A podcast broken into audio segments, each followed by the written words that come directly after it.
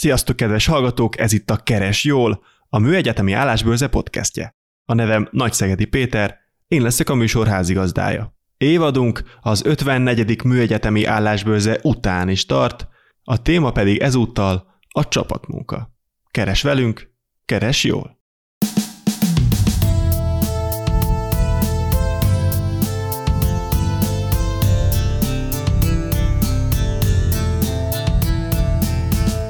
Sziasztok, kedves hallgatók! Ez itt a Keres Jól, a Műegyetemi Állásbőrze podcastje. A mai vendégem Buzál Bence, aki a Knorrbremse Break Control üzletágán belül a platform szoftverfejlesztés osztály vezetője. Szia Bence, üdvözöllek a műsorban. Szia Péter, üdvözlöm a hallgatókat. A mai adás, és picit így a mostani évadnak is a témája a csapatmunka, úgyhogy erről fogunk beszélgetni Bencével. Bence, a te csapatod az hogy néz ki? Mekkora és milyen összetételű?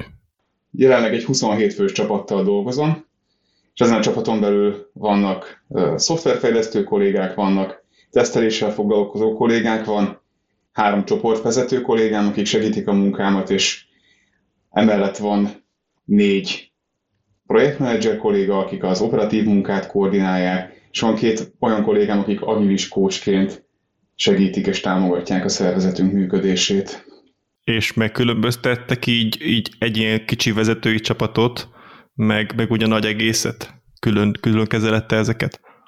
Igen, ugye ahogy említettem, három csoportvezető kollégával dolgozom együtt, és én is csoportvezetőként is működöm egyébként. A projektmenedzsment csapatot vezetem én közvetlenül, és van kettő szoftverfejlesztő csapatom, és van egy teszteléssel és követelménykezeléssel foglalkozó csapat.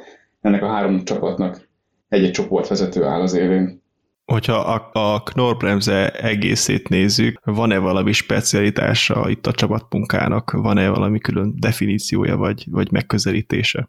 Én azt gondolom, hogy átjárja minden napjainkat a csapatmunka, olyan komplex projekteken dolgozunk, amit ugyan egyéni feladatokra bontunk le, de, de igazi sikereket csak csapatként együttműködve tudunk elérni és milyen a, a csapatok közötti együttműködés. Mondjuk itt, itt egy általad vezetett részlegnél gondolom, gondolom elég jól működik ez, de cégen belül a különböző osztályok mennyire hatékonyan dolgoznak együtt? Én azt gondolom, hogy a különböző osztályok is hatékonyan tudnak együtt dolgozni. Egy nagyon példa erre a mi korábbi együttműködésünk a Break Control COC-val, akikkel egyébként most októbertől már egy szervezeti egységként dolgozunk együtt, de a múltban a jól szervezett projekteknek, a projektmenedzserek együttműködésének köszönhetően azt gondolom, hogy majd, hogy nem zöggenőmentes csapatmunka folyt a két osztály között. És akkor most még egy lépéssel tovább menve, ugye a, a Knorr-Bremse az egy nemzetközi cég, és itt a, a felvétel előtt a, most a hallgatónak mondom, hogy említetted, hogy jövő héten üzleti útra mész Indiába, tehát azért nemzetközi csapatokkal is van együttműködés, azoknak mik a nehézségei, előnyei, hátrányai? Nehézségként én egyetlen dolgot tudok megemlíteni, és ez talán a, a nyelvtudás. Természetesen mindenki kiválóan beszél angolul, de azért, amit említettem, komplex feladatokon dolgozunk, és, és az ehhez kapcsolódó témákat ö, alaposan átbeszélni, úgy, hogy a kommunikációban résztvevő mindegyike egy tanult nyelven beszél. Én azt gondolom, hogy ez tud nehézségeket okozni, Természetesen ezeket rendszeresen fel tudjuk oldani. Ami a jó oldala az az, hogy, hogy egész másképp gondolkodik egy magyar fejlesztőmérnök, egész másképp gondolkozik egy német fejlesztőmérnök, más az észjárása egy indiai vagy egy kínai kollégának, és ugye ez a, ez a diverzitás, ez, ez rengeteg sok olyan ötletet tud behozni egy probléma megoldás során, ami valószínűleg elmaradna, hogyha nem nemzetközileg működnénk együtt. És akkor most visszatérve a, az itthoni te csapatodra, a, hogyha, hogyha új kollégát kerestek mondjuk, akkor mennyire nézitek meg azt, hogy szakmai dolgokon kívül hogyan illeszkedne a csapatba, és hogyha ezt nézitek, akkor hogyan? Ugye az egy alapvetés, hogy a szaktudást, a szakmai felkészültséget azt mindenképpen felmérjük, de ugyanekkor a hangsúlyt fektetünk arra, hogy milyen a jelöltnek a személyisége, hogy hogyan tud beilleszkedni a csapatunkba. Itt rengeteg sok interjú technikához tartozó trükk van, olyan nyitott kérdéseket igyekszünk feltenni, amivel meg tudjuk könnyíteni kicsit az interjú során a személyes kapcsolódást, hogy az embert is megismerjük, ne csak a tudását. Aztán, ami ezt még meg tudja támogatni elég objektívan, az egy speciális személyiségteszt, amit a HRS kollégák segítségével szoktunk kiértékelni. És bizony ez is elő szokott fordulni, hogy egy jelöltet a második vagy akár a harmadik interjúkör során körbevezetjük a, a fejlesztőirodányban, bemutatjuk a kollégáknak. Aha. Gyakorlatilag ez az első találkozás, ez, ez egy igen jó mutatója annak, hogy, hogy a hosszú távú közös munka az, az, az vajon zöggenőmentes és eredményes lehet-e.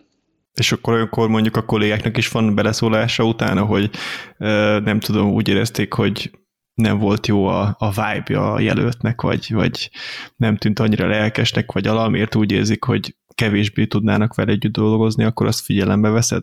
Mindenféleképpen én, én, én nagyon-nagyon sok mindenben figyelembe veszem a kollégának a véleményét és visszajelzését. Ugye azért, amikor, amikor már odáig eljutunk egy jelöltel, hogy bemutatjuk a csapatnak, akkor, akkor ott már a célegyenesben vagyunk, és, és addigra már HR-es kollégák, csoportvezető kollégák is, és jó magam is megismerkedtünk a jelöltel, és, és ez gyakorlatilag, ez már csak egy ilyen, egy ilyen utolsó, utolsó utáni csekk, hogy, hogy valóban passzol a, a jelölt a csapatba. Nem fordult még elő, hogy ilyen esetben azt a visszajelzést kaptam volna a kollégáimtól, hogy valami nem oké, de természetesen, hogyha ez előfordulna, akkor mindenképpen figyelembe venném a döntés meghozatala során.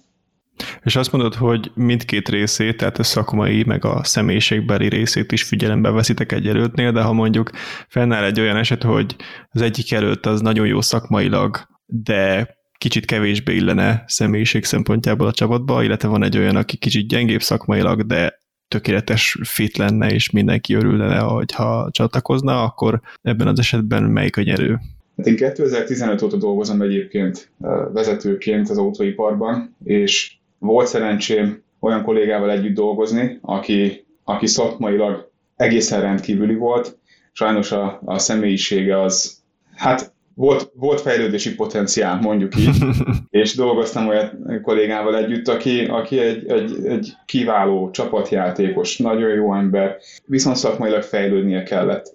Az én tapasztalatom az az, hogy szakmailag lehet fejleszteni valakit, ez van, amikor nagyon könnyű, van, amikor egy kicsit nehézkesebb, de mindenképpen megvalósítható. Valakinek a személyiségét átformálni, az, az egy rendkívül nehéz dolog, és én nem is szeretnék személyiségformálással foglalkozni. Úgyhogy én azt mondom, hogy, eh, hogy egy ilyen esetben én azt a döntést hozom meg, hogy eh, inkább azt a kollégát veszem fel, aki, aki személyiségében és viselkedésében könnyen integrálható a csapatba, még akkor is, hogyha szakmailag fejlesztésre szorul. Az egyik legnehezebb dolog talán vezetőként, vagyis így gondolom, hogy, hogy az egyik legnehezebb dolog lehet a teljesítményértékelés, meg, meg gondolom a saját munkádra is a visszajelzést, az is egyfajta teljesítményértékelés, de hogy ezt hogyan nézitek? Hogyan éritek meg a sikereket? Ezt személyi sikereket néztek, és teljesítményt, vagy, vagy csapatszinten néztek ezt? De én azt gondolom, hogy csapatszintű sikerről egyéni sikerek nélkül nem lehet beszélni. Mindenféleképpen kell az egyéni teljesítményt is értékelni. Ezt, ezt nagyon sokféleképpen lehet.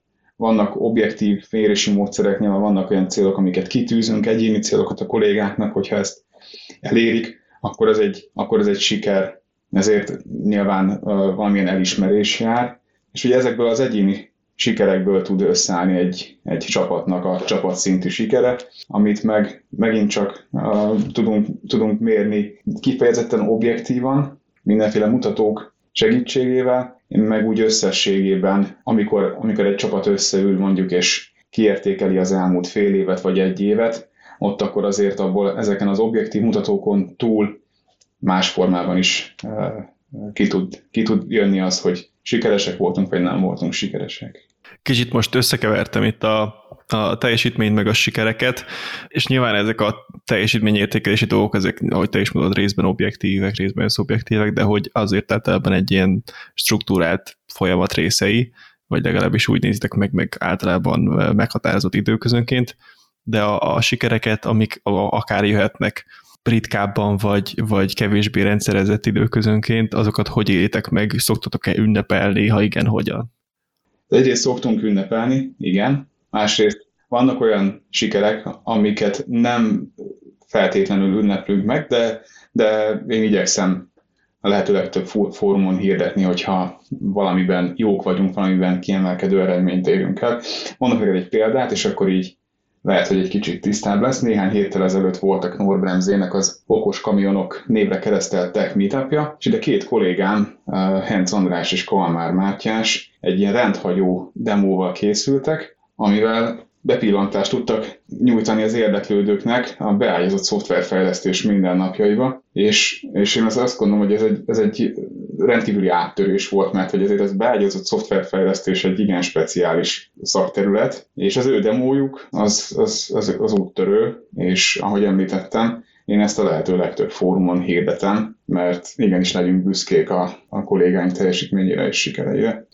Ha csapatszinten nézem, akkor ugye vannak projektcsapataink, és hogyha ezek a projektcsapatok egy, egy jelentős mérföldkövet elérnek, akkor, akkor ott rendszerint egy közös vacsora keretein belül szoktuk megünnepelni ezeket a sikereket. Az én osztályommal pedig idén november 10-ére tervezünk egy, egy csapatépítő összejövetelt, ami többek között arról is fog szólni, hogy egy picit megünnepeljük a 2023-ban elért eredményeinket. Nyilván ezeknek az összejöveteleknek szerintem legalábbis szokott értelme lenni, meg úgy hatása is, de az mennyire fontos, amit te így kiemeltél, hogy ha nem is megünnepelni, mert nyilván nem lehet minden héten leülni és visszanézni és megünnepelni, hogyha volt valamilyen siker, még akkor is, hogyha egy adott dolog, mint például ez a meetup, ez nagyon jól jött ki, de amire ki akarok lyukadni, hogyha erről beszélsz, és mondjuk megosztod itt, ott, ott cégen belül is van ennek visszhangja, akkor az, az tud segíteni, vagy az, az motiválja az embereket, vagy milyen, milyen célra teszed ezt? Én azt gondolom, hogy ez talán az egyik legfontosabb, amit egy vezetőnek meg kell tennie, rendszeres pozitív visszacsatolás.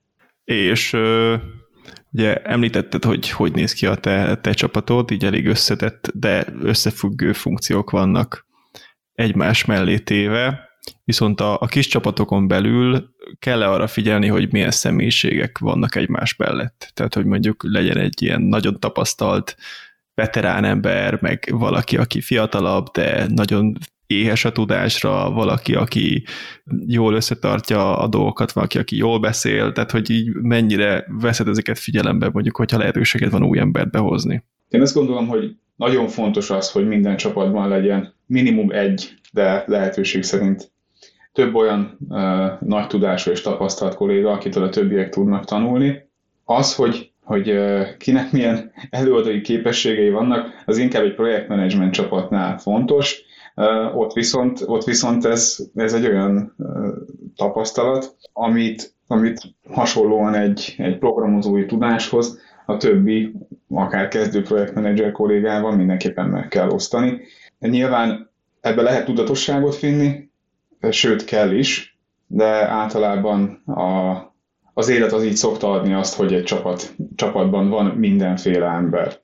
És mitől érzi magát jól valaki egy csapatban? Milyen faktorok számítanak? Nálunk az a jellemző, hogy, hogy mindenkiben ég a tanulási vágy, az szinte az összes kollégám folyamatosan fejleszti magát, és, és azt gondolom, hogy ez, ez egy ilyen alapvetés, hogy mérnökként folyamatosan tudjanak valami, valami újat tanulni, és valami újat kitalálni és, és létrehozni. És van egyfajta olyan bajtársiasság egyébként az én csapatomon belül a kollégák között, ami, ami a mindennapokban az egymásnak való segítségnyújtást is egy ilyen örömmé teszi. Tehát én nagyon sokszor látom a kollégáimat például, ahogy, ahogy együtt ötletelnek egy tábla előtt, mindenféle flowchartokat rajzolnak, programozási problémákon gondolkoznak, és, és azt gondolom, hogy ez is hozzátartozik ahhoz, hogy valaki jól érezze magát egy csapatban.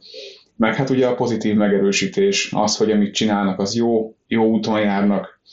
Ahhoz, hogy valaki jól érezze magát egy csapatban, szerintem mindenképpen szükség van arra, hogy legyen egy csapatnak egy jövőképe, hova haladunk, mit szeretnénk elérni, és ezt hogyan fogjuk megtenni. Beszéltünk itt egy csomót a, a csapatokról, meg itt nyilván mondtam, ez, ez kicsit a téma, de azt így elmulasztottam feltenni, vagy megkérdezni, hogy amúgy a te csapatod így összességében miért felel, és hogy milyen termékekben láthatjuk viszont a ti munkátokat? A Break Control üzletágon belül vagyunk mi felelősek a platform szoftver fejlesztésért. Ez a fékrendszernek, tehát a fékvezérlő ECU-nak az alapszoftverét jelenti gyakorlatilag. Ez az a operációs rendszer, ami, ami működteti gyakorlatilag a, a fékvezérlőt. Ezen belül kommunikációs protokollkezelésre kell gondolni, mindenféle időzítésekre, diagnosztikára, öndiagnosztikára, és akkor gyakorlatilag erre az operációs rendszerre épül le a, a fékvezérlő funkció, EBS, ABS és társai. Tehát akkor egy az alapját hozzátok létre ennek az egésznek igazából.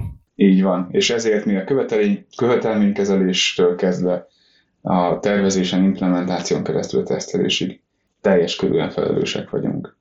Hát akkor erre a most benne felmerült kérdése sincs egyértelmű válasz, hogyha valaki szeretne így ezzel foglalkozni, akkor, akkor miben kell jónak lennie, mert nyilván másnak kell, másban kell jónak lennie egy projektmenedzsernek, egy tesztelőnek és egy fejlesztőnek is, de, de mégis, hogyha valaki ezek közül az egyiket így megcélozná, mondjuk a hallgatók közül, akkor mire figyeljem? Akkor maradjunk a, a beállított szoftverfejlesztésnél, ugye ez a fő profil, ez a csapatnak a legnagyobb része, tehát a négy közül kettő csoport ezzel foglalkozik. Én azt gondolom, hogy ehhez rendkívül fontos, hogy legyen egy, egy jó programozási uh, alaptudás, és itt nem feltétlenül speciálisan valamilyen programozási nyelvnek az ismeretére gondolok. De ezt akartam kérdezni pedig. hanem, uh, tehát az alap, az alap Szerintem az alap az nem az, hogy ismerünk egy programozási nyelvet, hanem az alap, hogy van egy, egy jó programozói logikus gondolkodásunk, és akkor erre lehet építkezni. Egyébként a beágyazott fejlesztésnek a, a, a nyelve az a, az a C nyelv, tehát ezt érdemes és kell is ismerni, tehát ezt használjuk minden nap, de még egyszer mondom, nem a nyelv ismerete az alap szerintem, hanem a programozói gondolkodás. Emellett érdemes szerintem mielőtt egy ilyen autóipari környezetben valaki elkezd fejleszteni, érdemes egyszerűbb piacon elérhető bármilyen mikrokontrollernek a programozásába egy picit belelátni, egy picit belelesni, hiszen itt a mindennapokban mi ezt csináljuk. Mikrokontroller specifikációk alapján hozzuk létre azokat a funkciókat, amik, amik, amikből aztán összeáll ez a platform, amiről korábban már beszéltem. Köszönöm.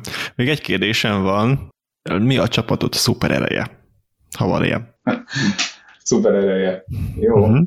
Uh, én azt gondolom, hogy a, az én csapatomnak a szuper ereje az a szakmai kiválóságban rejlik. Tehát egytől egyik olyan mérnök kollégákkal dolgozom együtt, akik kifejezetten igényesek arra, hogy mit adnak ki a kezükből, igyekeznek minden problémát a lehető legjobb módszerrel megoldani, és azt gondolom, hogy ez egy olyan összetartó erő a csapaton belül, ami, ami kiegészítve a, az egyénekkel, az egyének sokszínűségével egy ilyen szuper erőt képez. Remek, remek. Nagyon szépen köszönöm. Köszönjük, hogy itt voltál a műsorban. Köszönöm szépen és a lehetőséget. Köszönjük a figyelmet, sziasztok!